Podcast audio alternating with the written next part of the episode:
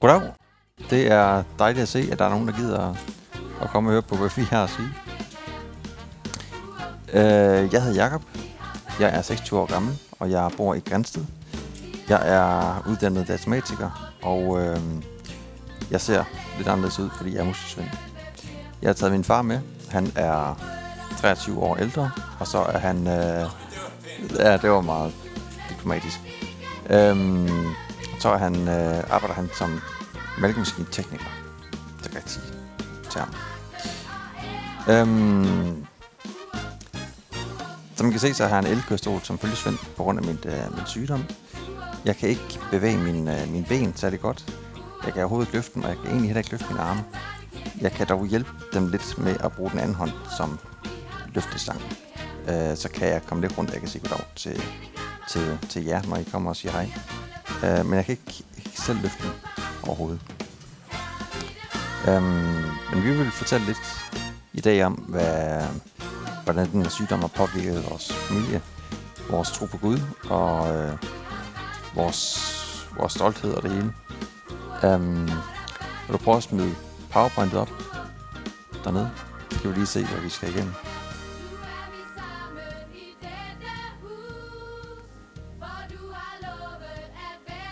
Der er jeg. Um, start med lige at fortælle lidt om, hvad er musiksvend. Så fortæl om vores historie, og hvordan den her sygdom påvirker vores stolthed. Og så vil vi snakke om, hvordan sygdom og den gode Gud egentlig overhovedet giver mening sammen. Kan der være en Gud, når der er sygdom og lidelse i verden? Øhm, prøv at gå videre til næste side. Så sygdom, altså muskelsvind, der er over 250 forskellige typer for muskelsvind. Øhm, og øh, der er mange forskellige. Der er nogen, der sætter sig i ansigtet, så man ikke kan bruge en musler i ansigtet. Man kan ikke lukke munden, når man tykker, og man kan, man kan ikke øh, lukke øjnene øh, godt nok. Der er også nogen, som, som mig, som der rammer øh, arme og ben, som der er sådan lidt mere nemmere at forholde sig til. Og så er der også nogen, der går ind og rammer nerverne. Det er sådan noget som ALS, som nogle af jer nok kender. Øhm, muskelvind gør, at man ikke kan opbygge sine muskler. Øh, ens krop ved ikke, hvordan at... Normalt, når der kommer ned og træner, og så opbygger man... Musklerne bliver stærkere. Men når man har muskelsvind, så ved kroppen ikke, hvordan man gør det her. Og så bliver musklerne bare langsomt nedbrudt over lang tid. Min type, der er 1 ud af 200 bager. Det vil sige, i Danmark der er der en halv procent chance for, at man møder en, som, som kan være bærer af den her sygdom, uden man nødvendigvis har den. Jeg vil lige vise dig lidt om, hvordan det foregår. Prøv at videre til næste side. Øh, Inger til. Yes, der er vi et par vikinger. Jeg har fået at vide, at den type, jeg har, er et resultat af vikingeindavl. Så det er derfor, jeg har taget det med. Øhm, prøv at trykke igen. Så alle mennesker er opbygget af noget, der hedder DNA. Det er ligesom vores kode. Det er det, der fortæller, hvilke hårfarve vi har, hvilke hudfarve vi har. Det er det, der øh, fortæller, hvor, hvor hurtigt vores hår vokser, og hvor meget hår vi har på hovedet osv. Øhm, og på tryk en gang til, så har i DNA, der kan der komme fejl. Det er det, der hedder mutationer. Det, når DNA kopierer sig selv, så er det ikke altid alle informationer kommer med. Og i DNA, der, der DNA'et fortæller kroppen, hvordan den skal opbygge musklerne. Så hvis der er fejl den her, så ved kroppen ikke, hvordan den skal gøre det. Og så kan man komme ud i en situation ligesom mig. Prøv at trykke igen, så kan vi ligesom se, hvordan det reelt ser ud i... Uh okay, det ser bedre ud hjemme hos mig, kan jeg godt se. Øhm, så kan vi se, hvordan det ser ud i, i vores familie. Der har vi en øh, far og en mor. De er begge to. Um, de er begge to øh, DNA. De får, man får både DNA fra ens mor og ens far. Øh, så ens mor kan godt give ens, en fejlen, og en far kan så give den raske DNA.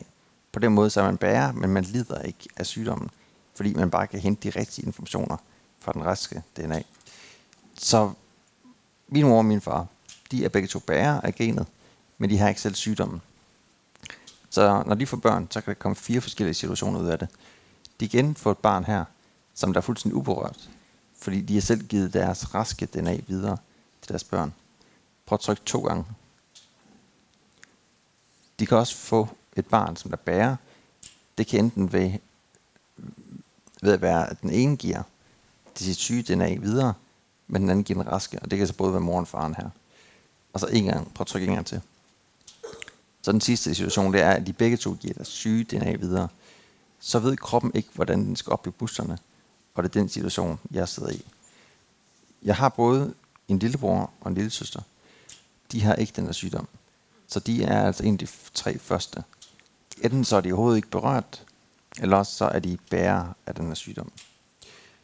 Det er et rent lotteri. Både min mor og far vidste ikke, at de var bærere af den her sygdom, de bestemmer ikke selv, hvilke informationer de giver videre. Så det er, vi skal bare være glade for, at det kun er en ud af tre børn, som der har den her sygdom, og altså ikke alle tre. Prøv at trykke igen dernede. Måden, den, øh, den påvirker i dagligdagen, det er, den nemmeste måde at, at sige det, er ligesom, at der er en masse usynlige vægte på mig.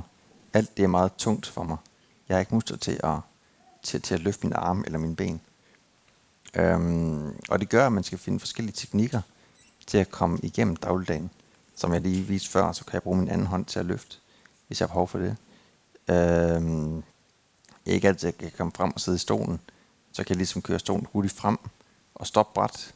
Så kan jeg ligesom bruge stolens momentum til at komme frem og sidde. Så det gælder helt tiden at finde nogle små teknikker. Men lad os lige prøve at se sådan lidt praktisk på det. Prøv at trykke igen dernede. Og jeg har taget det legetøj med. Jeg får lov til at låne Line, hvor du sidder der. Jeg vil lige smitte dig kort tid med mussvind, hvis det gør noget. Øhm, din højre arm skal vi låne.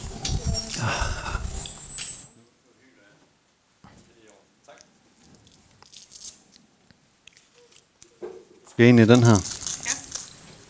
Øhm, så kan vi ligesom se, hvad der sker med Line nu, hvor hun mister mange af sine kræfter i armen. Og så t- Tom tager den skal ned i der. Åh. Sådan. Jeg håber, du har fået... Øh, hvis du ikke du har fået morgenmad, så er der Smarties nu. Så det skulle være så sundt.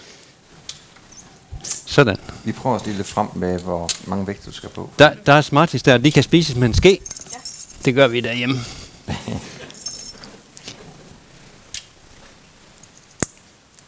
Så har du en lille smule muskelsvind. Prøv, prøv at tage skeen og tage en, tage en skæfuld. Så kan I prøv, prøv, prøv. Så kan I se, hvordan det langsomt bliver sværere og sværere for hende.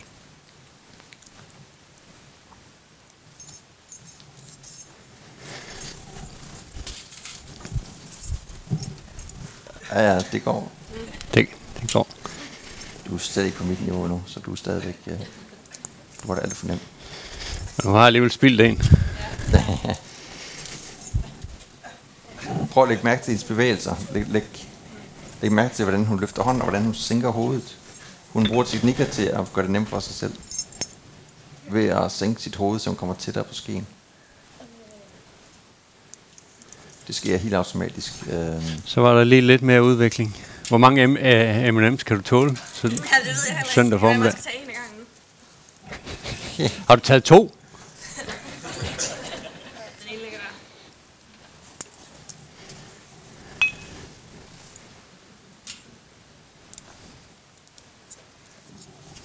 Det er alt det sygdom, vi har taget med i dag.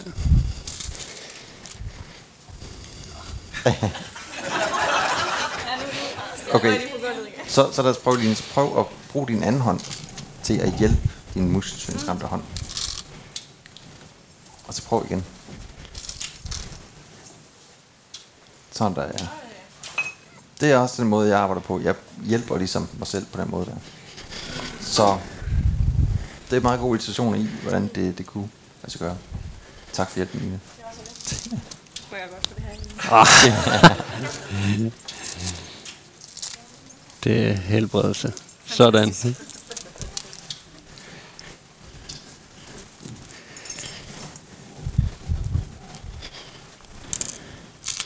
Nu vil øh, far lige snakke lidt om vores familie.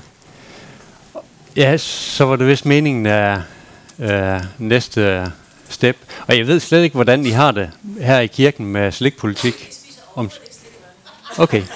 Ved hvad? Så synes jeg, I skal tage dem her med. Så tag dem. Er, er, kan du styre dem? Nej. He- Hende der har jeg tillid til.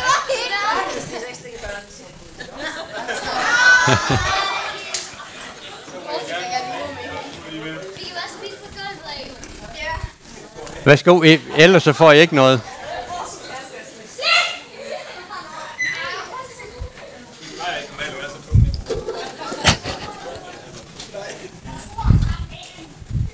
Jeg troede ellers lige, I havde fundet en eller anden, uh, som vi ikke havde fundet. ja, jeg er jo blevet præsenteret, og tak for den der med alderen, den kan jeg godt lide. Og, og vi er vi, vi er bare øh, normalvis glade, øh, som Svend han sagde. Øh, og det er også noget af det, som, som vi gerne vil, øh, vil prøve at lade skinne igennem i dag. Øhm, og alligevel så vil vi bare fortælle om øh, alt det der, som vi er bullet ind i. Øh, jeg vil øh, prøve at fortælle om øh, forløbet. Det vi gerne vil, det er, at vi vil gerne prøve at sætte jer i i vores, ind i vores situation. Hvordan, øh, hvordan det er. I øh, 1989 øh, blev øh, Kirsten mig gift. Det er ligesom der øh, hele projektet startede. Øh, vi er med at lave hjem og familie. Vi boede i Ølgod på det tidspunkt. Vi var øh, en del af Luthers Missions arbejde i Ølgod. Vi øh, levede sammen med Gud vi ønskede at være på Guds vej, øh, i Guds plan, på Guds plads. Øhm, I øh, 1991, der fik vi så vores øh, førstefødte, øh, Jakob, Jack. Vi var i gang med at lave vores familie. Øh, det var helt efter planen. Øh, prøv lige at sætte den der video på hvor, hvor Jakob han går. Hvad hedder den? Gå uden lyd. Første skridt uden lyd. Se, det var, det var sådan, vi havde det. Han var simpelthen så nuser dengang. Vi kunne roligt sætte uh, tjek ved, uh, nu var vi i gang. Uh, vi havde Gud med. Uh, vi boede som sagt i, i Ølgod, var en del af Luthers Missions arbejde i Ølgod og i Krusbjerg, en lille by uden for Ølgod. Uh, vores plan det var at finde, eller det var i hvert fald meget min plan, og Kirsten hun var med på den, det var dejligt, Uh, at finde en gård, øh, som vi kunne købe, som vi kunne drive, så jeg kunne blive Bundemann Jensen, som jeg altid havde drømt om, eller det havde jeg drømt om i mange år i hvert fald. Øhm, og vi, øh, vi havde en klar fornemmelse i vores hjerte, i vores ånd, at Gud vil have os til Krusbjerg. Den lille by, hvor der også var et lille øh, LM-arbejde, øh, det var der, vi skulle. Det var vi øh, faktisk ikke i tvivl om. Øh, livet, det var, det var dejligt, mens vi kiggede efter den gård, så fik vi øh, søn nummer to, Benjamin. Øh, Tjek, vi var endnu længere på vores vej med at lave, øh, lave familie, lave hjem. På et tidspunkt så fik vi et øh, tilbud på en gård, øh, som lå i Starp. Ikke øh, jeres Starp, men vores Starp. Vesterstarp, øh, 15 km syd for Grænsted. Og øh, vi var meget overrasket over begge to. Øh, der var noget i os, der sagde, at den der, den skal vi købe når nu vi skulle til Krusbjerg, øh, så, var det, øh, så var det lidt underligt, øh, vi følte for til start. Men øh, vi, har, vi har levet på den måde, at når vi har følt, at der var noget, vi skulle, har set en dør, der stod på klem, så har vi prøvet at gå ind ad den og bedt Gud om at lukke den, hvis vi ikke vi skulle ind. Og nu har jeg ikke så stor teologisk baggrund, men øh, det er altså den enfoldige måde, vi har levet på. Øh, og det kan godt være, at, men, men jeg tror på, at den holder. Det gjorde vi også her. Vi fandt ud af, at i, øh, i Starup, der var et lille IM-arbejde, IM-samfund, som man kalder det, øh, som alvorligt træng, trængt til input. Øh, de havde bedt meget intenst om, at der må komme nogen. Så vi var helt sikre på, at vi var på Guds vej, vi var på Guds plads. Øh, Gud havde sendt os til Starup. Øhm, og og, og øh, hvis du spørger os i dag, så vil vi stadigvæk sige, ja, vi fulgte Guds vej. Vi var på Guds plads. Vi har gået derhen, hvor Gud han, han har sendt os. Øhm, I øh, Starup, der fik vi jo så øh, som bekendt øh, gården. Øh, vi fik også øh, sidste skud på stammen. I 97 fik vi øh, vores datter. Øh, tjek, tjek. Nu havde vi familien, men vi havde ikke bare familien, vi havde den rigtige familie. Både med drenge og piger. Wow! Øh, vi, vi, vi havde det egentlig bare, øh, som vi nu skulle have det, synes vi. Øh, prøv lige at sætte den der video på, øh, hvor Jakob han cykler. Jakob han har lige lært at cykle. Øh, ja, det kunne godt være, at vi kunne se, at, at Benjamin, hans lillebror, han cyklede hurtigere, var hurtigere til at lære at cykle. Men øh, vi skød det til side, og vi var helt sikre på, at alt var normalt, og vi var på Guds vej. Vi skulle bare fremad. Vi havde gården, vi havde familien. På det tidspunkt havde vi faktisk også både Volvoen og Vovsen. Øh, vi havde et øh, vores plads, vi havde et godt lokalt øh, engagement, vi havde dejlige naboer, vi havde øh, et engageret øh, arbejde i, øh, i Indre Samfund. Øh, vi var engageret, Kirsten var engageret i skolebestyrelser. Så øh, kort sagt, så, så, så var vi bare helt sikre på, at, at vi var lige nøjagtigt der, hvor, hvor Gud han ville have os, og vi var på vej fremad, opad til bedre tider.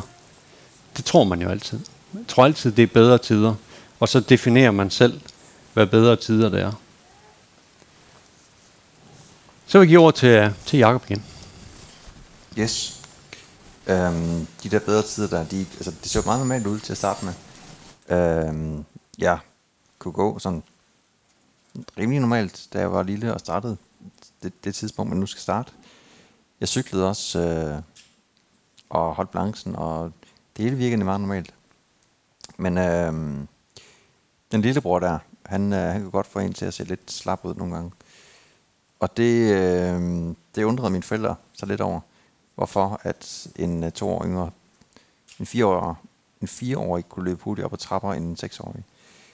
Øh, så øh, vi gik til, øh, eller de tog mig med til lægen, og så øh, undersøgte vi lidt, hvad verden der kunne være galt. Han sagde så, at det var muskelbetændelse, det var nemt nok, det var bare lidt penicillin, og øh, så var man rask igen. Det hjalp bare ikke rigtig noget. Øh, så det har det sat gang i en lang række undersøgelser på sygehus rundt omkring. Jeg husker ikke rigtigt, at der var nogen bekymring. Jeg fulgte bare med. Det var ligesom, mine forældre, de vidste vel, hvad der var bedst for mig, så jeg fulgte bare med.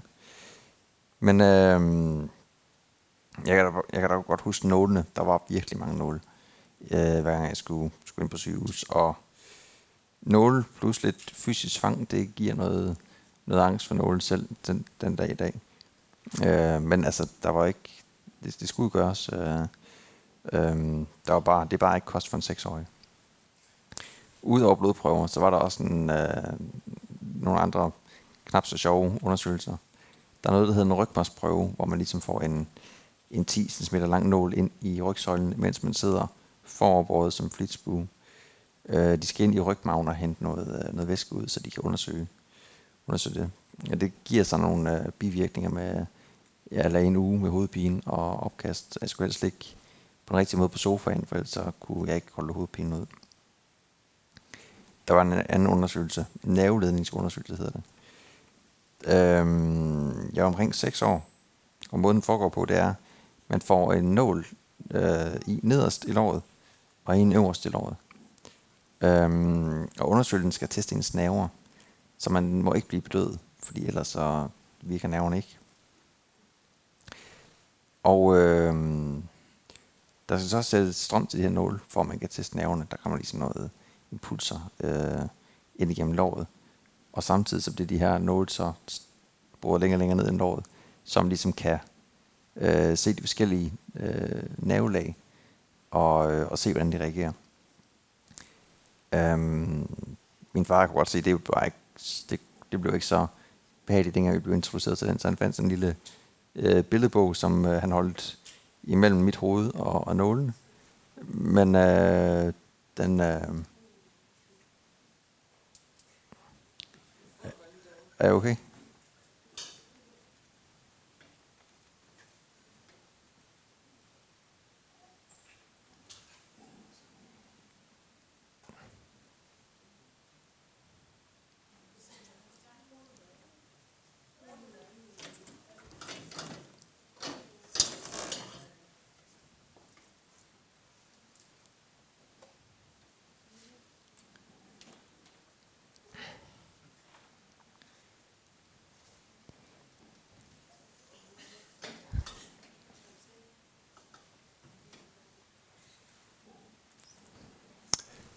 Øhm, så det var en, en, en streng undersøgelse, som vi godt kan høre, men øh, øh, det var øh, det føltes som lang tid, men det tog nok ikke mere end 5 minutter.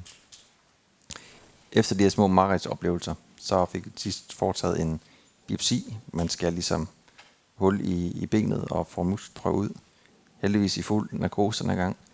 Og så fik de analyseret musklen, og det gav så svar, at det var muskelsvind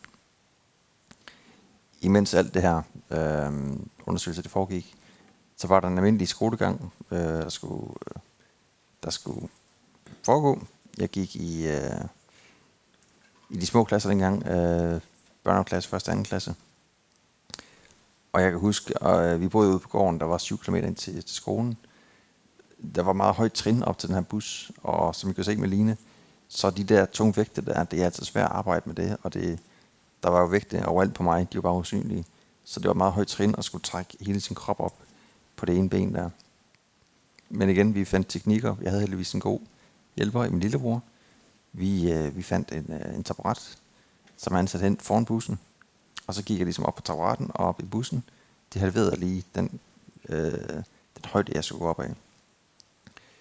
Øhm, så fjernede han sig taburetten, og så gik han selv op i bussen, og så tog vi et sted til skolen børneklassen til, første, øh, til anden klasse, det var på første sal. Så der var en masse trapper, jeg skulle op af for at komme op i klassen. Og jeg husker, hvordan jeg skulle hen til trappen rimelig tidligt i frikvartererne. Øh, fordi ellers så gik jeg simpelthen for klip. Jeg gik glip af for mange minutter op i klasselokalet, så min øh, klassemakker frikvarteret, hvis jeg ikke nåede hen tidligt. Øh, og det samme efter idræt. Så skulle jeg helst være en de første, fordi øh, det gik så langsomt, og jeg vil helst ikke se svagere ud end mine klassekammerater, så jeg skulle ligesom hele tiden tænke lidt frem i tiden, for at jeg kunne, øh, for at jeg kunne føle mig som den normale klassekammerat. Øhm, det samme, når vi var ude og spille fodbold i frikvartererne. Jeg, jeg, jeg havde ikke kraft nok til at løbe frem og tilbage hele tiden. Så jeg blev bare i angreb, og så til, tillod de, at jeg var offside hele tiden. De havde en, øh, de havde en meget positiv indgangsvinkel, min klassekammerater heldigvis. Øhm, men efterhånden som det blev sværere og sværere, øh, så i øh, 5. 6. klasse, der begyndte jeg at gå meget dårligt. Jeg vil prøve at sætte en video på, hvor jeg er målmanden. Prøv at lægge mærke til mine bevægelser, der jeg kommer gående der. Jeg vakler meget, og jeg går faktisk lige så hurtigt jeg kan der. Øhm, mine arme de flager meget rundt. Øh, en form for kompensation til at kunne holde balancen. Øhm, og øh, jeg begyndte at skulle gå langs murene for at støtte mig til den. Øh, fordi ellers så, øh, ellers så jeg var i for stor risiko til at falde. Og det var meget svært at komme op af gulvet, når man har vægt over det hele. Øhm, så efterhånden som det blev sværere, så kunne jeg se mere og mere forskel på mig og mine klassekammerater. Og øh, jeg begyndte at tænke, at jeg var mindre værd, fordi jeg ikke kunne lige så meget.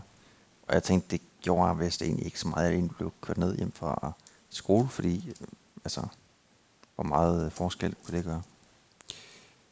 Jeg kunne ikke længere være med ud i frikvartererne, fordi det var for risikabelt uden nogen øh, mure at støtte sig til.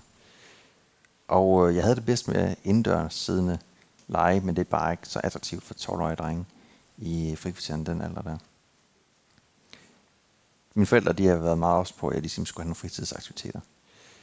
Øh, så efterhånden som min sygdom blev forværret, så gik det også til nogle mere inaktive øh, aktiviteter. Det gik, lige, det gik fra spejder til skak. Det er altså et seriøst hop. Øhm, så det gik længe før vi så begyndte at rode i en direkte handicapsport. Og her der var bordtennis ja, et attraktivt valg. Jeg kunne ikke, vi spillede meget bordtennis i skolen, men jeg havde ikke kraft nok til at løbe med rundt om bordet længere. Så det at kunne øh, spille bordtennis med andre ligesindede, det, det var meget attraktivt. Øh, og der åbnede den der handicapverden så for mig. Øh, og på det første stævne, jeg var til, der blev jeg inviteret med til et stort nordisk øh, handicapidrætsstævne på Færøerne. Øh, det var et rimelig stort skridt, for jeg normalt kunne jeg ikke holde ud at være hjemmefra mere end to nætter i streg, uden at få hjemmevæg. Men øh, jeg tilmeldte mig, og det ændrede hele min tilgang til tingene. På det her stævne, der var alle slags handicap. Der var blinde, som der løb 100 meter løb. Det kræver altså også noget tillid, hvis man skal løbe alt det, man kan, uden at kunne se, hvor man løber hen. Der var øh, folk uden lemmer, der svømmede rundt nede i bassin som fisk. Og øh, så var der mig med mine langsomme bevægelser og manglende muskler, som der startede op på den hurtigste sport i verden, der var bordtennis. Jeg fik mine øjne op på mine muligheder, i stedet for at fokusere på mine øh, svagheder og mine begrænsninger. Og efter den tur der, så, så, jeg det, så begyndte jeg med den proces med at acceptere min sygdom. Desværre, så øh, musvind stopper jo ikke. Det bliver hele tiden værre og værre. Så jeg mistede hurtigt evnen til at spille bordtennis på grund af de hurtige bevægelser, der skal til. Og jeg endte også i manuel kørestol, fordi jeg begyndte at falde så meget, og jeg mistede min ståfunktion, så jeg endte i kørestol. Øhm, men selvom det blev værre, så havde jeg lært på færgerne, jeg skulle bare se muligheder i stedet for.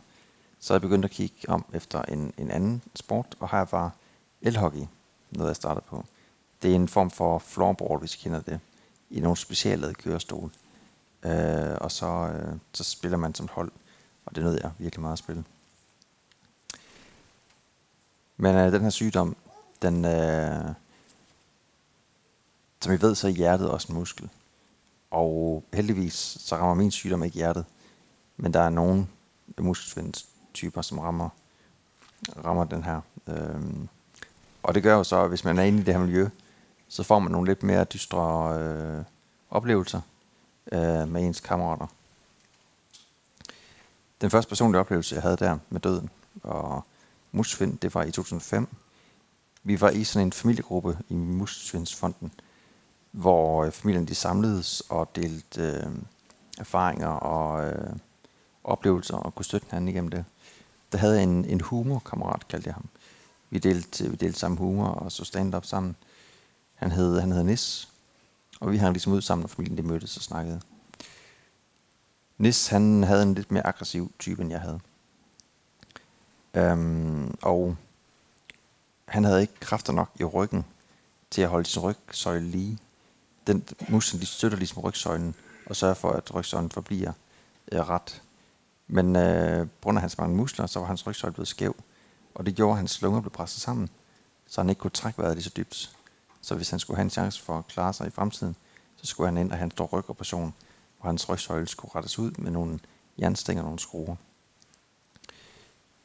Øhm, desværre, så havde han ikke kraft nok til at komme sig oven på den her operation, og han døde tre uger efter. Øh, han fik hjertestop flere gange, og de genoplevede ham, men han havde ikke kræfter til at komme på igen. Det var en, øh, en hård oplevelse i, som øh, 14-årig. Øh, jeg kan huske begravelsen tydeligt. Vi kørte til Fyn, hvor, hvor han boede, hans familie. Og øh, jeg var den eneste medmuskelven ud over en fælleskammerat, der hed Daniel. som øh, var min første kammerat med muskelsvind. Og det var, det var svært at forholde sig til, hvordan man som 14-årig har en kammerat, han var endda to år yngre end mig, ham næste døde. Øh, døde af den samme sygdom som mig. Så sætter man sit eget, øh, man sætter ligesom sit eget liv ind og tænker, okay, hvordan vil mit liv se ud om lidt? Og, øh, og ja, man sætter sig selv i den situation, man står i. Men med den her tunge oplevelse, så går livet jo stadigvæk videre, og øh, øh, jeg var 14 år øh, ung, og den, på det tidspunkt der er man normalt verdensmester øh, i alting. Øh, men sygdommen fortsætter, og jeg mistede til sidst øh, kræfter i armene til at kunne køre mig selv frem i en manuel kørestol. Så jeg endte i den her elektriske kørestol. Og det var en stor befrielse for mig, ligesom det var en befrielse at komme i en manuel kørestol, hvor jeg ikke skulle gå langs muren længere. Så var det også en befrielse at komme i den her, fordi nu kunne jeg ligesom jeg kunne gå i samme hastighed som mine kammerater. Og jeg havde de der hestekræfter nu, som der skulle til for at kunne bøvle med øh, andre kammerater i, i den alder der. Øhm, der var tre drenge fra min klasse, som der rimelig hurtigt lærte, hvordan de skulle stå på den her stol. Øh, og så kørte vi ellers ned i byen i frikvartererne og købte slik. Og øh, der kunne stå en på hver side, og så var der en, der kunne sidde op på min nakkestøtte, uden noget øh, at holde sig til. Jeg, og jeg prøvede virkelig for mig af, jeg kørte rådent, men øh, han kunne ikke vippe sig af på nogen måde. De lærte rimelig hurtigt, øh, hvordan man skulle holde der. Og jeg kunne, ja, jamen, altså, vi kørte rundt på gangene, og hvis vi ellers ramte dørkammen, så blev halvdelen af dem siddende i dørkammen, fordi at den var ikke lige øh, bred nok til os alle sammen. Vi fandt også ud af, hvordan vi kunne deaktivere det i hjul, og så kunne vi løfte den anden side, så lige snittede gulvet, og så kunne jeg altså bare køre frem, og så kunne vi lave hjulspænd derinde. Øh, så der er stadigvæk et mærke, tror jeg, i, øh, i klasseværelset på Airbags skole. Øh, så jeg, jeg havde stadigvæk den der bøvle øh, mentalitet, ligesom andre drenge på det tidspunkt der. Øhm, jeg tror jeg aldrig, jeg punkterede så meget, som jeg gjorde de år der. Øh, cykelsmed nede i byen, byen han kendte proceduren rimelig ud og ind til, hvordan man skulle skifte den hurtigt. Fordi det skulle helst ske i frikvarteret, at jeg skulle nå tilbage i en time startet. Øhm, på grund af de nye ting, der skete, øh, jeg kom på anden skole, og øh, der skete en hel masse nye ting der, og jeg blev stadigvæk sværere og sværere. Så stoppede jeg med meldehockey, fordi det tog for meget tid. Øh, den her en anden ting, sygdommen gør, er, at jeg bruger ligesom, ligesom som Meline, hun bruger rigtig mange kræfter bare på at skeen op til, til munden. Det samme med mig, jeg bruger mange kræfter på øh, almindelige ting, så jeg bliver hurtigt træt, så jeg har ikke lige så meget energi som andre. Og det gør, at hvis man skal fokusere på skole, så bliver nødt til at droppe elhockey. En sport, som ellers nød, men øh, nogle gange skulle man køre hjem fra halv om morgenen, fordi man skulle til Sjælland og spille stævne, og så kom man hjem kl. 8 om aftenen. Så der røg min, øh, ligesom min sidste kontakt med det handicappede miljø. Øhm, den kom så dog kort glemt ind igen, da vi blev ringet op af Daniels forældre, øhm, da jeg gik på øh, hans skole det andet år. Daniel havde fået lungebetændelse og havde lagt syg på hospitalet tre uger. Han fik øh, hjertestop, på grund af, at han ikke kunne håndtere den ellers trivielle sygdom. Og øh, hans krop var simpelthen for svag til at skulle øh, starte op igen. Øh, så han døde, da jeg gik på andet år på hans skole. Det var min første kammerat, Musvend. Han boede i Esbjerg. Og hele LHV-holdet var nede dengang, øh, vi skulle begrave ham. Øhm,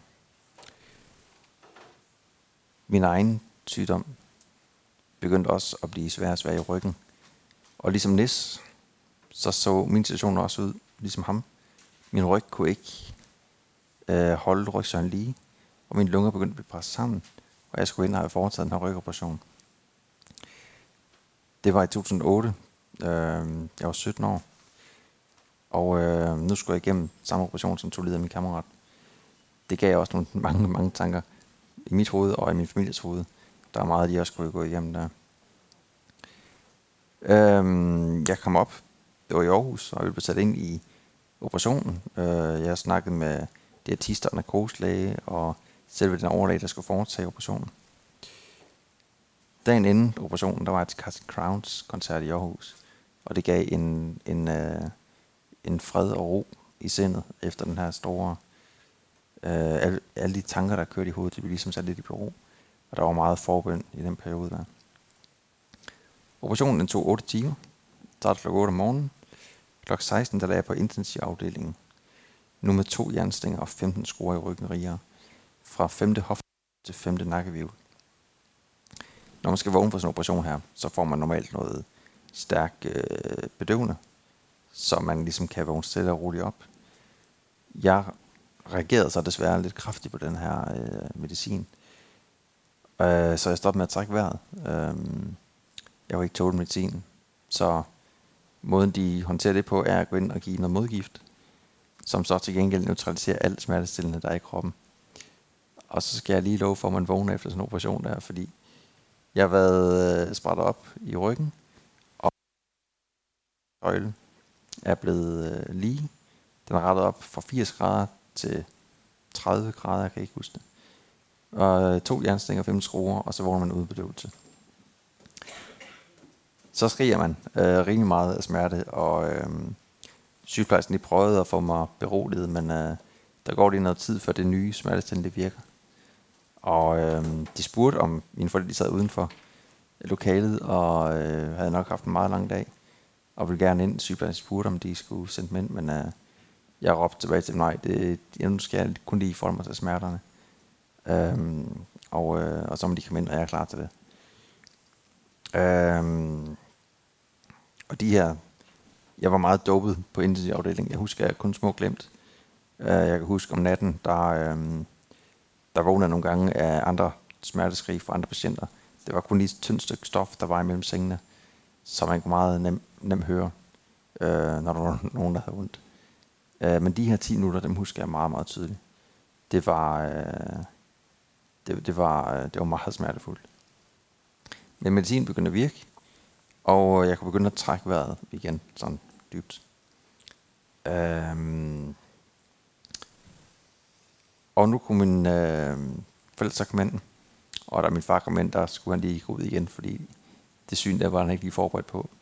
Jeg lagde med, udover mine nye stærke knogler, i form af jernstængerne, så var jeg udstyret med kateter, drop i både hals og i hånden, dræn, hvor blodet flød ud af ryggen i øh, to øh, to forskellige sider. Og ellers var der masser af ledninger proppet ind i mig. Øhm, efter 24 timer kom jeg heldigvis ned på min egen stue igen. Og, øh, og jeg, jeg, jeg kom mig godt oven på operationen. Jeg var stærk nok til at komme ovenpå igen. Jeg skulle ligge i sengen i to måneder efter operationen. Øh, og med det hjælp fra handelsskolen, så kunne jeg blive. Og ved jul der havde jeg et fraværsprocent på 40 procent. Men øh, det gik. Og efter sådan en operation, hvor før der var min rygsøjle meget fleksibel, jeg kunne samle ting op ned for gulvet. Men nu, som jeg sidder nu, min drygstol er meget ret, på grund af, at den er fuldstændig stivet af. Øh, og det smadrede alle mine rytmer. Alle de teknikker, jeg opbyggede, kunne jeg ikke længere, fordi øh, jeg, var en, jeg var en helt anden. Jeg fik øh, bundet det var som Joachim fik bundet ting, nogen du skulle han finde ud af, hvad han, hvad han nu skulle gøre. Øh, jeg har egentlig følt mig rimelig stærk psykisk siden færdeturene. Men øh, jeg følte mig meget, meget handicappet på det tidspunkt der. Jeg skulle mades i sengen, fordi jeg ikke selv kunne øh, løfte hånden op, og jeg kunne ikke vride mig ned, fordi det var jeg vant til før. Øh, så det gav en kæmpe psykisk lammer, det var meget uoverskueligt tidspunkt. Men igen, det bliver hverdag, men man vender sig til det. Og heldigvis så blev jeg også lidt stærkere, jeg skulle, min krop skulle i gang igen. Så jeg kunne lidt flere ting hurtigt. Øhm, der er sket meget siden da, men øh, det her det er ligesom de lidt mere grove episoder i mit liv, som ligesom har filet mig øh, min grove kanter til. Øh, der sker stadigvæk meget, der er sket meget siden da. Øh, og det er erfaring, jeg stadigvæk tager med mig, og ting, der stadigvæk definerer mig.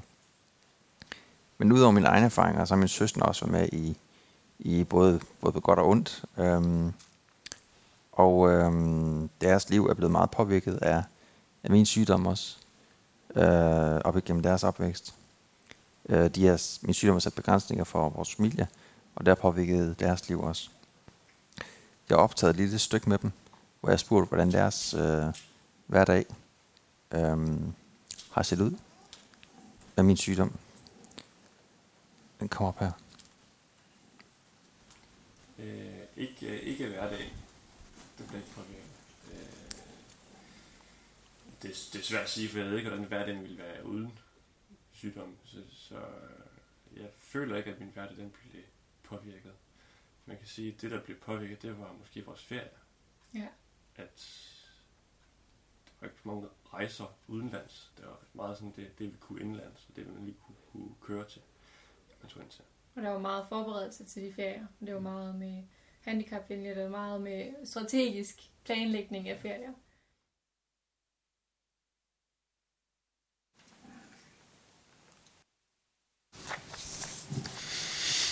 Så var det mig, ikke også? Øh, det er jo ikke fordi, at vi vil øh, bare lave en spændende historie, men det er jo fordi, vi gerne vil sætte jer ind i. Det, det er sådan her. Øh, det, det er det, der har dannet os. Øh, det er det, der har lavet den konklusion, som, som er på vores liv. Men øh, øh, jeg vil lige prøve at, at belyse lidt fra, fra familiens øh, synspunkt øh, i alt det her. Øh, når man har styr på tingene, det var der jeg før. Man, øh, vi havde gården og Vogsen og Volvoen og alt det der. Øh, og, og vi havde jo ikke styr på tingene. Men, men vi forsøgte vi forsøgte hele tiden at have styr på tingene. Og når man er der, så er det mest irriterende, man kan opleve, det er, når der kommer noget uforudset. Og øh, det, I lige har hørt Jakob fortælle, det, det er jo bare uforudset. Øh, hele vejen igennem. Øh, når man er overbevist om, at man lever i Guds plan, hvordan kan alt det her så lige passe ind? I kan helt sikkert fornemme, hvordan vi har haft det. I alt det der, som Jakob han har fortalt. Hvor mange gange vi har stået og råbt til Gud.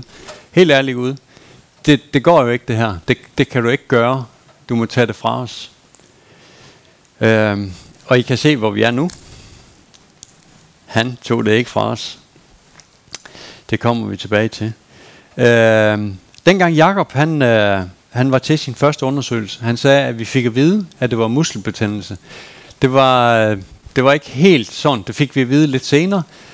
Men da han var til første undersøgelse, der var øh, Kirsten alene afsted med ham. Fordi øh, jeg var til møde i banken. Et meget vigtigt møde, øh, synes jeg på det tidspunkt, øh, om at købe en naboejendom. Øh, det var det allervigtigste. Så øh, det var fint. Kirsten hun kunne jo tage til læge med Jakob. Øh, og hun kom så tilbage og fortalte, at, at lægen havde sagt, at det lignede muskelsvind.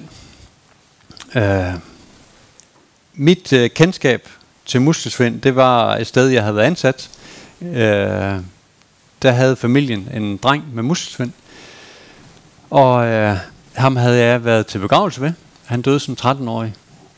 Så da jeg hørte det der ord, muskelsvind og Jakob øh, i sammensætning, øh, så knækkede min film. Og jeg indrømmer, at jeg gik og lavede begravelsestaler. Hvordan skulle hans begravelse være, og hvad skulle jeg sige, og hvordan skulle vi gøre? Og, øh, så, så jeg buller lige ned på bunden i løbet af ingen tid. Øh, Kirsten, hun var ovenpå på det tidspunkt. Hun, øh, så, hun opmuntrede, at det er jo det fantastiske ved at være to. Øh, så i den periode, så opmuntrede hun, ja, hold nu, det skal nok gå, det klarer vi, op på hesten og videre, og vi skal bare. Øh, efter et års tid, tror jeg, sådan cirka, så øh, en dag Kirsten stod inde og læste avis, så lige pludselig, så kan hun ikke få luft. Øh, så kommer hun kommer ud til mig, og øh, siger, Leif, jeg kan ikke få luft, du skal ringe øh, 112. Øh, og jeg er opvokset i et øh, hjem, hvor jeg har lært angst som sygdom at kende. Så, så jeg kunne godt, det troede jeg i hvert fald, hun er stadigvæk lidt, lidt, hun har ikke helt tillid til mig, den der hun kommer med et eller andet alvorligt. Men jeg har sagt, den dag, der skal jeg nok ringe. Men øh, jeg kunne se, at det var, det var angst, øh, og det var det. Og hun gik så ind i processen og lærte at leve med det. Og det, øh, jer der kender lidt til det, ved, at det er, det er ikke så nemt at lære at leve med. Øhm, men øh, sådan gik det. Øh, da Benjamin han gik i 6. klasse, blev han indhentet af angsten. Øh, den lagde ham ned, øh, faktisk fuldstændig, da han gik i 8. klasse. Øh, også på grund af noget fejlbehandling og noget. Øh, lå han og kiggede ind i, i væggen, fuldstændig livstom i øjnene. Og havde nogle rigtig svære år med op- og nedture. Da Camilla gik i 4. klasse, så ramte angsten hende, og lagde hende ned i perioder.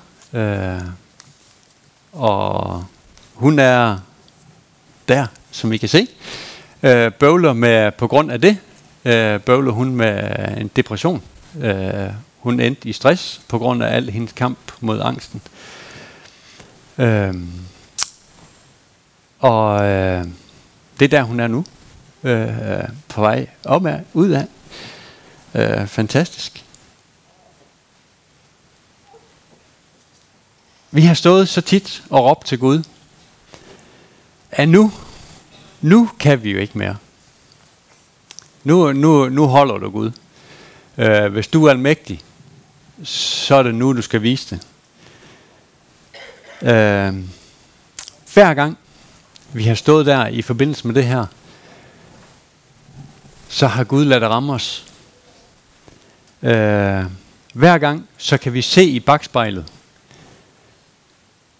at det vi, det vi ikke kunne bære, det er bare Gud. Når vi ikke kunne bære mere, jeg, jeg, i, i alle de her tanker omkring forberedelsen til i dag, der har der været det der billede så mange gange, at når vi bliver, er blevet tynget ned i knæ af de byrder, så har Gud taget os. Øh, undskyld. Og, og løftet os med byrden ovenpå. Så vi har ikke mærket, vi har ikke mærket, at han har taget byrden. Men han har taget os. Og, og det er, det er simpelthen, det, det er ikke så modige tårer, I ser her. Det er simpelthen, det er så fantastisk, at Gud er på den måde.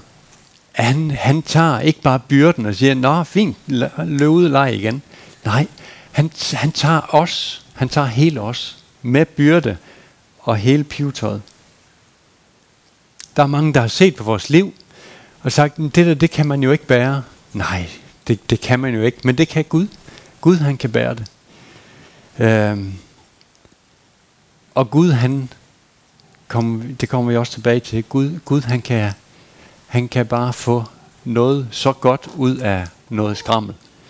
Øhm, Jakob han har lavet en, øh, en video, øh, hvor han lige øh, stiller spørgsmål til os to forældre også. Hvis du lige øh, smider den på.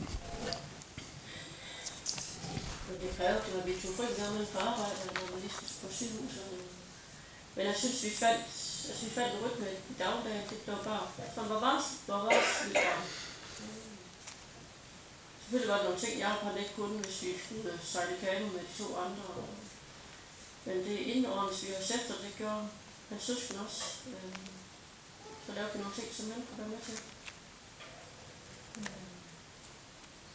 Men, men det, var, det var jo selvfølgelig anderledes øh, end vores venner med jævnaldrende børn. Øh, på det tidspunkt, der, der drev vi landbrug, øh, og der var det jo dig, der tog det sted med ham tit. Øh, og, og fordi det ikke lige kunne lade sig gøre, at jeg kunne være væk. Øh, eller prioriteret i hvert fald ikke, at det kunne lade sig gøre. og det kan jeg huske, det, øh, da, da vi stoppede øh, ned med landbrug, og jeg fik lønnet arbejde, det var en stor frihed for mig, at, at så, kunne jeg, så kunne jeg være med 100 procent. Så øh, at det, det, det påvirkede jo i alt, men, men sådan er det jo. Lige snart man har fået et barn, så er der kommet et nyt menneske ind i, i en familie, og så påvirker det, og så er der ikke noget, der bliver ligesom før. Øh, her, der krævede det bare, at, at det heller ikke blev ligesom alle andre familier, fordi der var nogle andre ting, men, men der har jo øh, været nogle ting, vi har, vi har valgt fra, og så er der nogle ting, vi har fået til.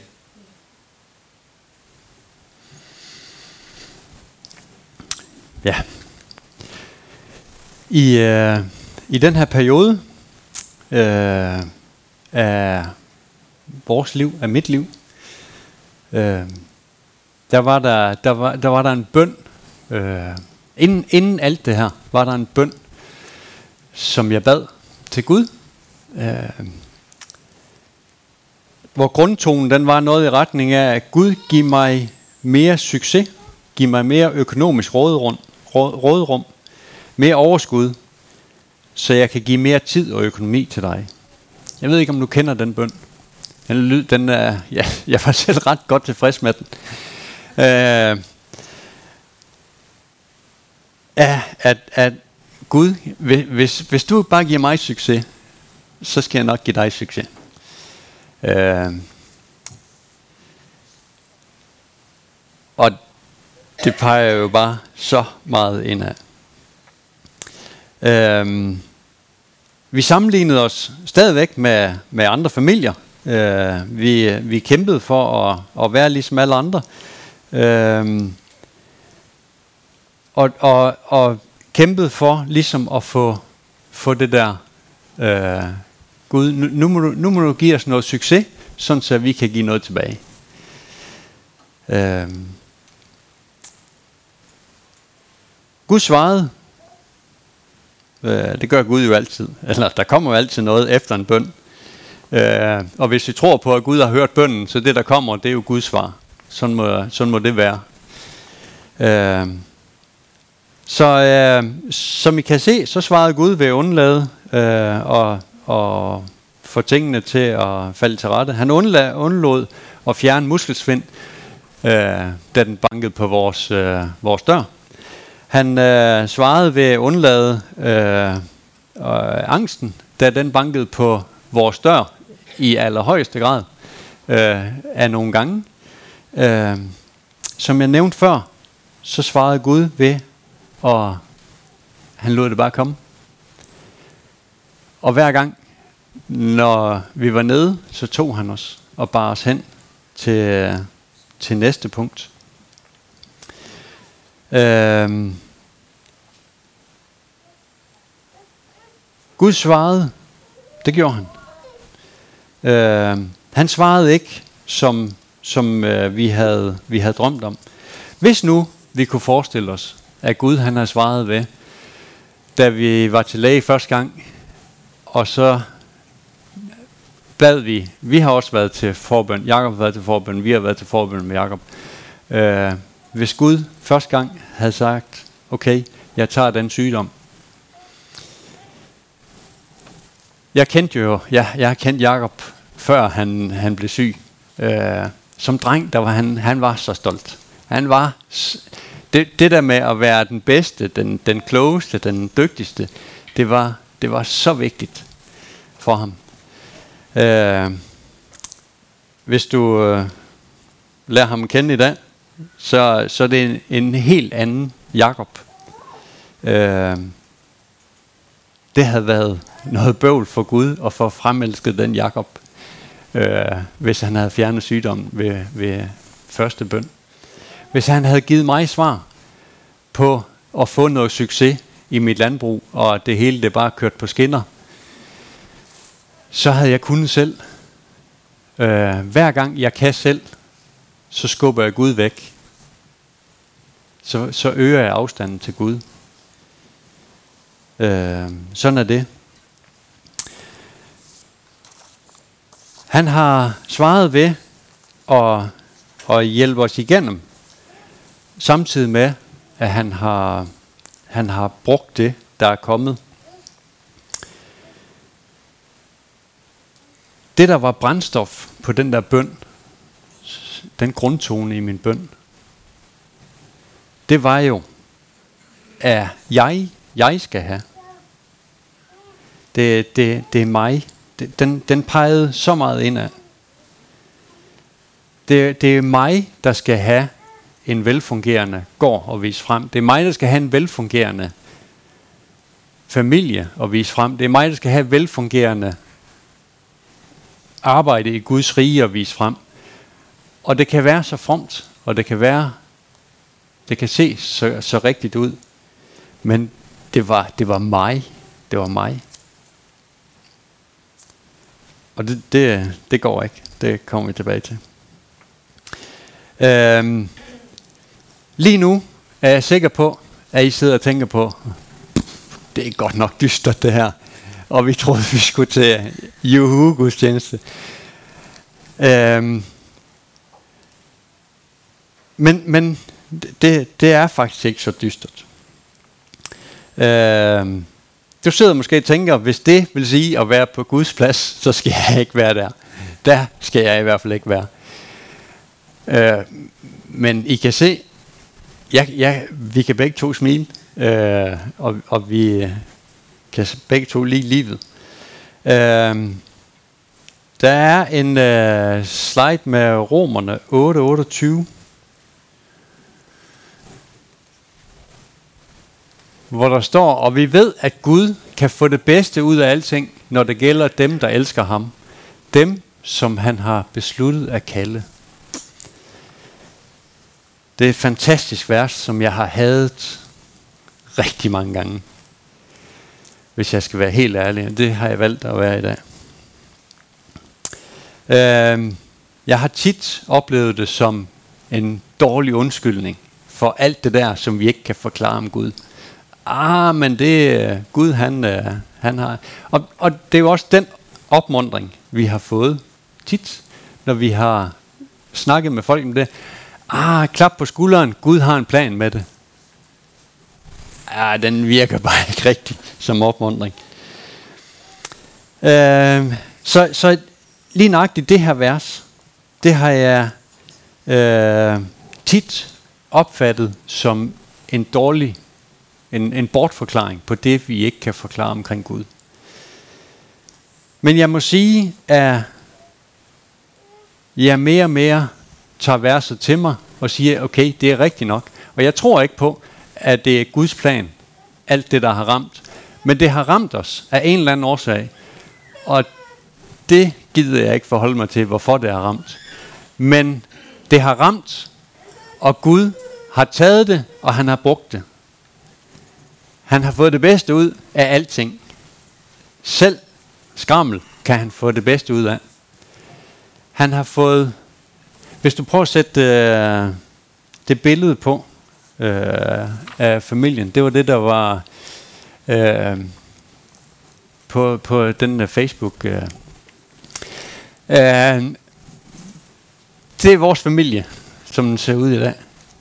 Øh, kan I se livsglæden? Og, og det, det er faktisk ikke kun fordi, at øh, der bliver taget billede. Det, vi, vi, er, vi er generelt meget glade og, og kan godt lide humor, øh, som I måske kunne forstå, da vi, da vi skulle synge børn. Og jeg synes, det var at vi alle sammen skulle op og stå. Så yes, det var i dag, jeg, og så rejser han sig. Det, øh, vi kan godt lige have det sjovt. Tag, tag hende der, i midten der. I ved nu noget om, hvad hun har været igennem. Fantastisk kvinde, der arbejder i Esbjerg på Markuskolen, og har en helt unik tilgang til børnene i børnehaven, hvor hun får lov til at hjælpe nogle børn på en måde, som ingen andre kan. Tag ham, der står der det var ham, der var nede og kigge i væggen i 8. klasse. Øh, helt nede at vende. Og har kæmpet sig op I dag bor han i Aarhus, er ved at læse til stærkstrømsingeniør. Øh, er glad, godt tilpas, har et dejligt liv, øh, nyder at være sammen med hans kone og sammen med Gud.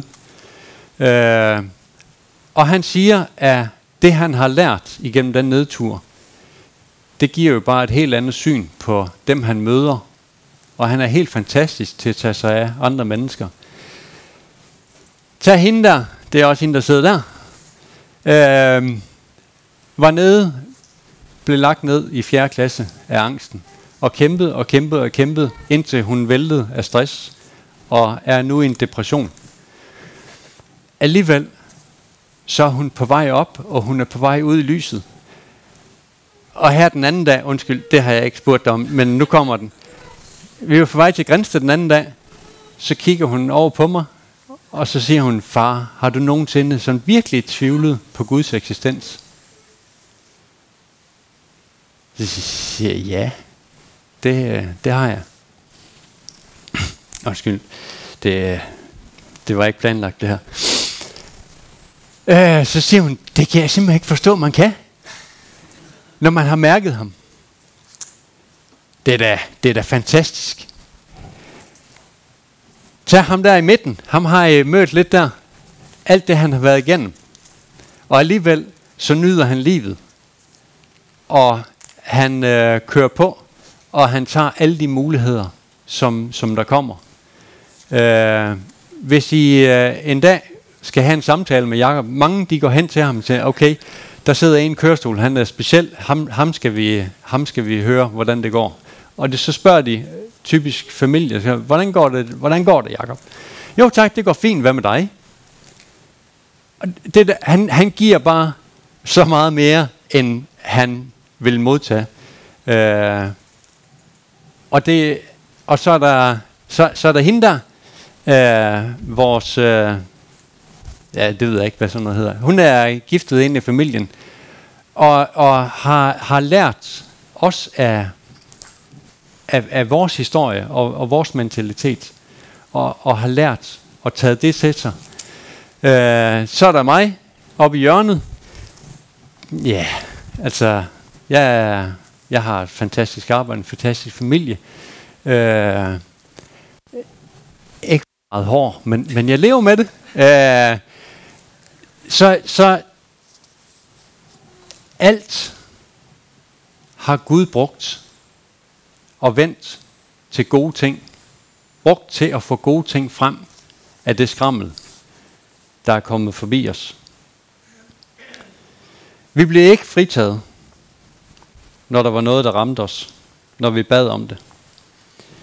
Øh, men som sagt, det vi ikke kunne bære, når vi gik i knæ, så løftede Gud os sammen med byrden og bar os hen til næste punkt. Jeg tror ikke på, at det var Guds plan, men jeg tror på, at det, der har mødt os, var, har Gud brugt i sin plan.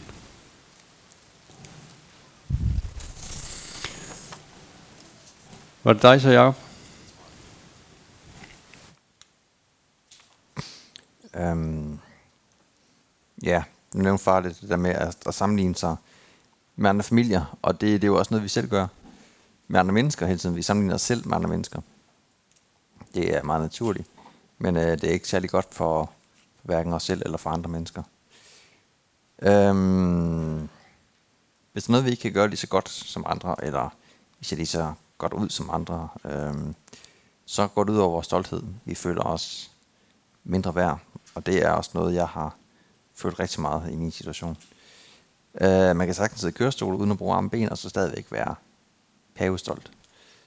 Øhm, da jeg begyndte at, at miste min løbe- og gå-funktion, der kunne jeg se større og større forskel på mig og mine øh, kammerater. Og det var hårdt ikke at være med i frikvartererne.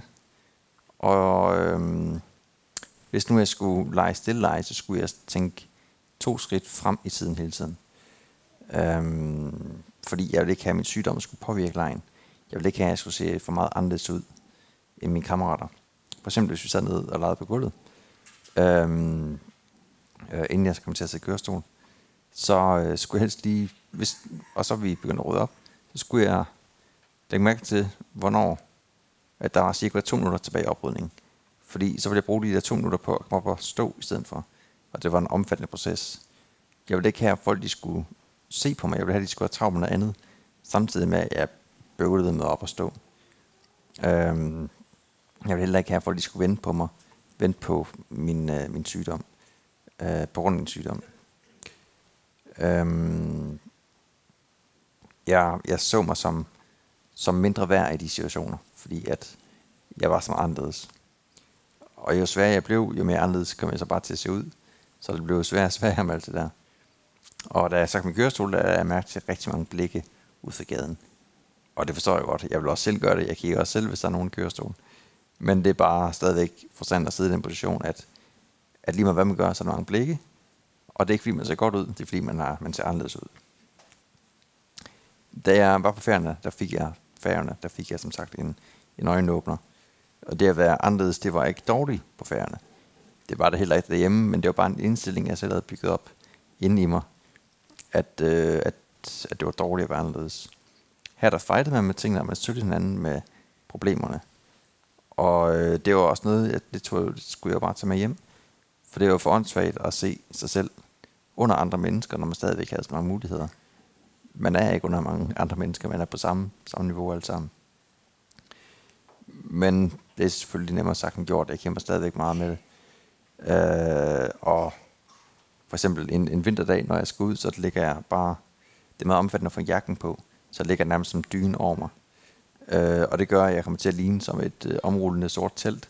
Og det ser håbløst ud, og jeg synes, det ser åndssvagt ud. Og hvis jeg nu møder nogen udenfor, som jeg kender og skal snakke med, så hvad skal de gøre, hvordan får de den her jakke af hurtigt? Og, øh, øh, fordi jeg synes, jeg ser øh, dum ud, og øh, jeg føler mig mindre værd i den situation.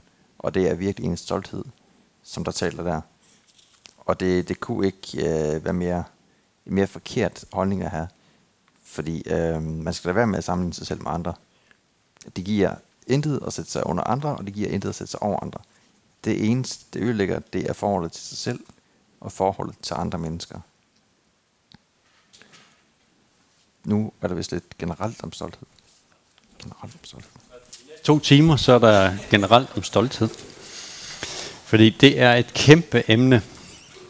Øh, for et par år siden, tror jeg det var, blev jeg opfordret til, at, til at læse en bog af C.S. Lewis, der hedder Det er kristendom.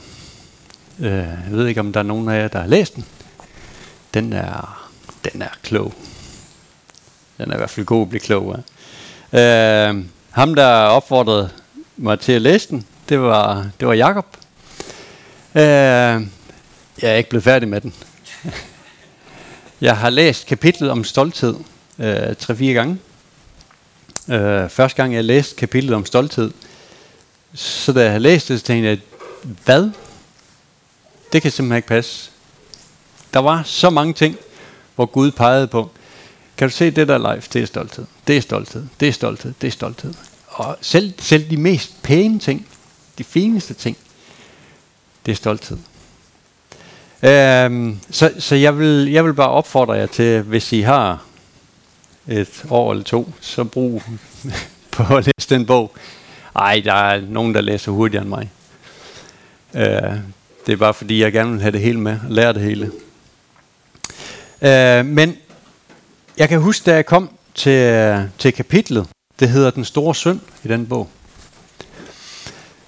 Og, og ja, jeg var godt klar over, at der ville komme noget om stolthed på et tidspunkt. Og, og den store synd, hvad, hvad er det? Hvad er den store synd? Er det øh, øh økonomisk synd? Er det øh, seksuel synd? Er det, øh, hvad er det? Vi, vi, vi er gode til at sætte de forkerte synder på de forkerte ranglister øh, i vores sammenhænge.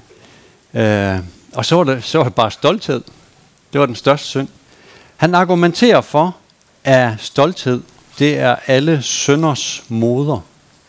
Det er det, der ligger bag alt andet synd. Det, det er stolthed. Det er, det er mit jeg. Det er, når jeg vil have anerkendelse, når jeg vil have målopfyldelse, når jeg vil have re- resultater i erobringer, øh, så er det tit vores stolthed, øh, der, der kigger frem. Øh, det kan også være, være gode ting. Et, et velfungerende hjem. Øh, et rent hjem. Et, øh, en fin have. Øh, jeg siger tit til vores naboer, jamen det er også fint at have en høj have. Øh, græsplæne i hvert fald. Så er jeg ligesom... Øh, ah, så har jeg fået kørt min stolthed ud på, på det. Øh, men det handler jo om, i, i bund og grund, at det er, fordi vi vil måle, som Jakob han sagde, vi vil måle os. Vi vil måle og veje det, vi har, det vi har af værdier, det, det der sætter øh, vores værdier på. Når vi, øh, når vi beder Gud om at give os noget, når det er jeget, der skal have, øh, så, kan, så kan Gud ikke give det. Det er simpelthen imod Guds natur. Den bøn, den kan Gud ikke opfylde. Gud kan ikke give sine børn dårlige gaver. Øh, hvis han giver os noget, som vi vil hæve os over, som vil skabe hovmod, så vil det, ske, så vil det føre os væk fra ham. Han kan ikke give os det.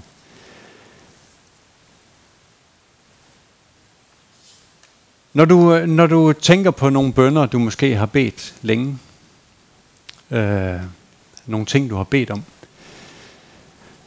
hvis du så analyserer det på den måde, er det fordi jeg vil have, eller er det fordi andre skal have?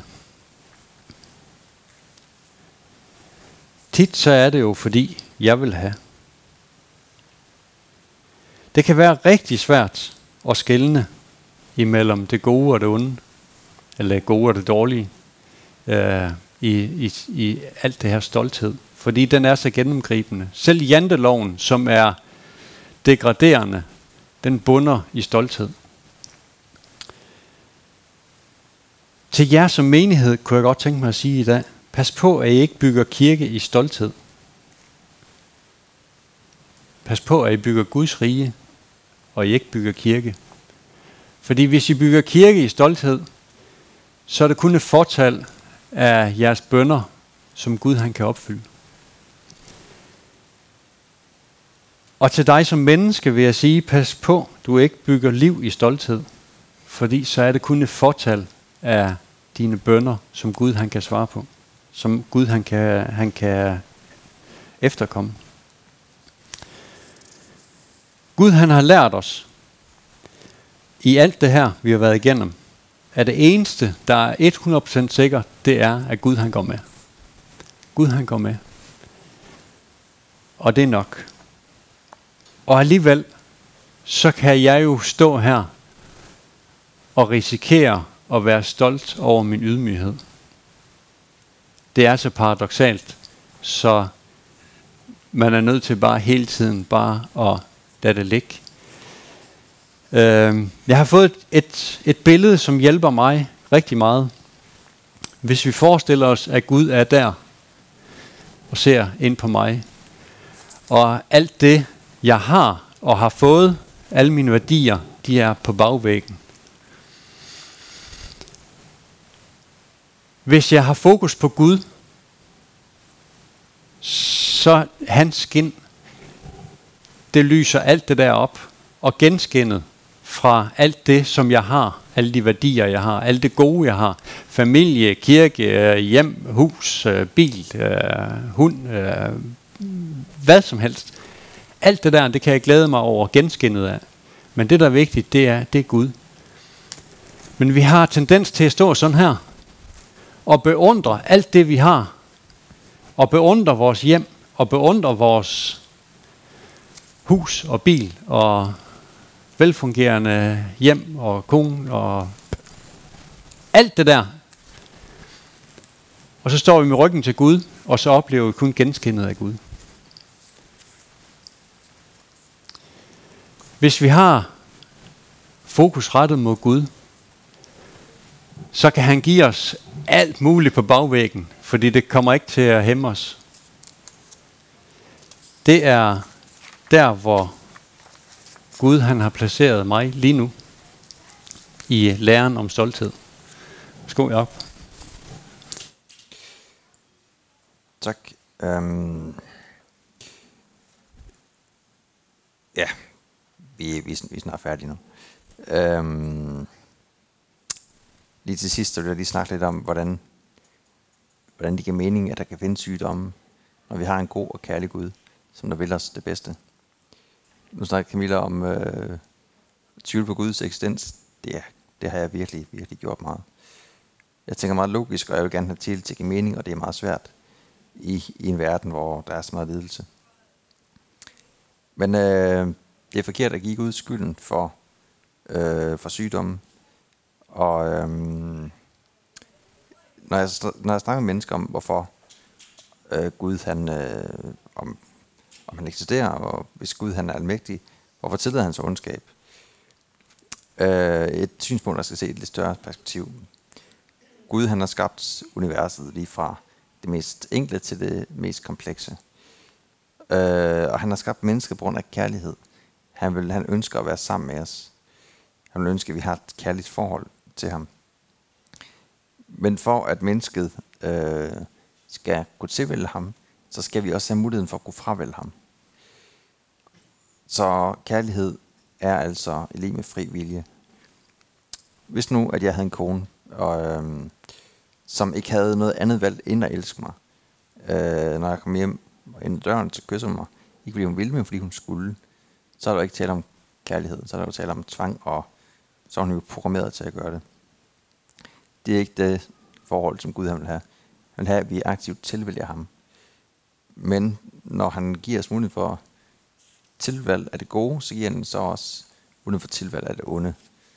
Og det er jo så her, at sygdom kommer ind.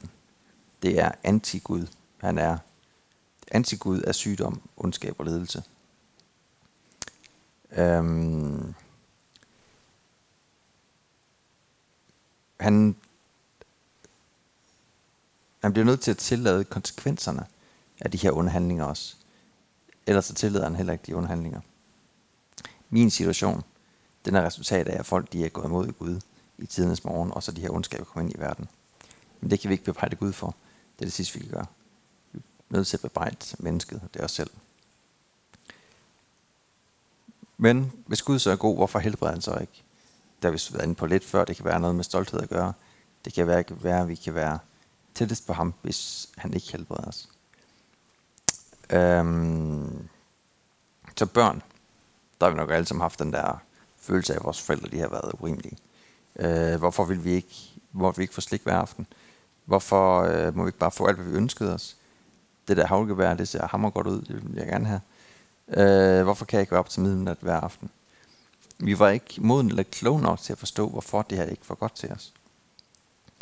Da vi så blev ældre, og, eller det er så ikke, men når I blev ældre og selv blev forældre, så kunne I stå i samme uretfærdige situation, som I selv følte I var i, dengang I var børn. Nu siger I til jeres børn, at nu må I ikke få slik hver aften. Øh, det er svært at forklare dem, for de har ikke modenheden eller indsigten til at forstå, hvorfor de ikke må alt det her. Det er meget det samme med os og Gud. Vi kan bede om noget, og hvis vi ikke får det, så kan vi ikke forstå, hvorfor vi ikke får det. Men vi har ikke indsigten til at forstå, hvorfor at vi ikke kan få det. Ikke nødvendigvis i hvert fald. I mit begrænsede udsyn kan jeg ikke forstå, hvorfor Gud han holder sit slik fra mig. Og jeg beder ham om at forklare det, øh, hvorfor jeg ikke må få det, jeg ønsker. Men jeg har simpelthen ikke, ikke indsigt nok til at forstå, hvorfor. Han ved, hvordan vi skal opnå os godt. Eller sagt på en anden måde, han ved, øh, hvilken måde vores liv skal se ud på, for at vi er tættest på ham. Og det er det, der er ultimative, Det, det går an på. Det det, der er det gode. Det er ikke, at vi har et godt liv nu. Det er, at det er, det, skal jeg lige formulere det rigtigt. Det, der kommer an på, det er, at vi ender det rigtige sted jo i sidste, i sidste ende. Øh, og det er det, som han stræber for, at vi skal, det er der, vi skal ende. Øh, der er et bibelvers fra Korintherne. Vil du prøve at smide det op? Paulus oplevede også det her med at, øh, at blive øh, udsat for lidt af hvert. Der står her, for at jeg ikke skulle blive hårdmodig, fik jeg derfor en torn i kødet, et satans sendebud, til at slå mig i ansigtet. Tre gange har jeg bedt Herren om, at den måtte blive fjernet. Men han sagde til mig, min nåde er der nok, for min kraft når sit mål igennem magtesløshed. Derfor vil jeg hellere fremhæve min magtesløshed, for at kraften fra Kristus kan virke igennem mig. Derfor kan jeg se det gode ved at være magtesløs, ved at blive mishandlet og lede nød, ved at blive forfulgt og være vanskeligheder, for Kristi skyld. For når jeg er magtesløs, der er jeg stærk. Det er noget, som umiddelbart godt kan ses som uretfærdigt, at han skal sættes i den her situation. Men det gør, at Paulus forbliver ydmyg og tæt på Gud, og i sidste ende ender det gode sted, og man må. Vi vil stole på, at Gud han, som den eneste med det fulde overblik over det hele, fra hans overnaturlige position, gør det bedste for os, siden at vi er hans børn. På trods af vores modgang eller vores begrænsninger, så kan vi stole på, at Gud har en fuldstændig styr på det. Og der kan være mange grunde til Guds manglende indgriben. Der er bibelvers fra Johannes, vil smide den op også. Der står, øh, da Jesus og disciplen senere gik omkring i byen, traf de en mand, som havde været blind fra fødslen. Mester, hvorfor er den mand født blind? spurgte disciplene. Er det på grund af hans egne sønner eller hans forældres? Ingen af delene, svarede Jesus. Men det, der er sket med ham, vil føre til, at Guds kraft bliver synliggjort. Guds kraft kan blive synliggjort gennem mange ting. Det kan være helbredelse. Det kan også være ens liv tæt på Gud. Med Gud på trods af modgang. Det kan være, det han ikke helbreder, kan være en læresætning i ens liv, som Paulus oplevede det. Det kan også være, fordi Gud bare ikke har fjernet den her modgang endnu fra os. Gud han har givet en lid, og modgang det er ikke, øh, det er ikke hans skyld. Og for øvrigt, hvad er et øjeblik i smerte, sammenlignet med en evighed i paradis, som Jesus snakker om med lignelsen med Lazarus. Vi bør ikke være bitre over den korte smerte, vi har nu, men glæde os over den kærlighed, som vi både har nu og vil få mere i fremtiden. Han giver os glæden. Han er glæden. Han er selve kærligheden. Definition på kærligheden. Og vi kommer kun sikkert igennem livet med ham. Vi er alle sammen skabt forskellige, og vi har forskellige forudsætninger for livet. Men vi kan ikke bebrejde vores dårlige forudsætninger på Gud, når det er os selv, som der er forskyldt i menneskets begyndelse. Der er ingen grund til at være bitter, for alt det skal nok gå. Han siger over 300 gange i Bibelen, frygt ikke, for han er med os, og han prøver alt, hvad han gør for, for at hjælpe os. Og vi skal bare stole på, at han hjælper os på den måde, der er bedst for, for os. Øh, fordi så ender alting godt. Øh, jeg er meget logisk tingene, og det irriterer mig, når jeg ikke kan forstå tingene, og hvordan de hænger sammen. Men vores, min, min logik, den er meget begrænset. Gud, han er uden for universet, han er uendelig meget klogere. Han kan se ting sprudt frem i, i mit liv, som vi sprudt frem i en DVD-film, og se, hvordan øh, alle konsekvenserne vil være for mig. Alle de grene, som mit liv kan gå. Han kan se, hvad der er bedst for mig, og han vil guide mig derhen, hvor der er bedst at gå. Derfor så er det bare vigtigt at have tillid til ham og gå i tro om, at alt det må, det må blive godt. Amen. Det var, det var vores historie. Og øh, jeg håber, at I har fået lidt med herfra. Er, er, hun, er hun okay? Hende, øh... Okay. Det er første gang, jeg prøver, så nu ved jeg, at nu skal jeg lige sige, ikke for sarte sjæle til at starte med. Så det, det er godt, men øh, jeg er ked af det. Øh, jeg håber, hun klarer sig. Ja, så vil jeg give ordet videre til dig, Svend. Og øh,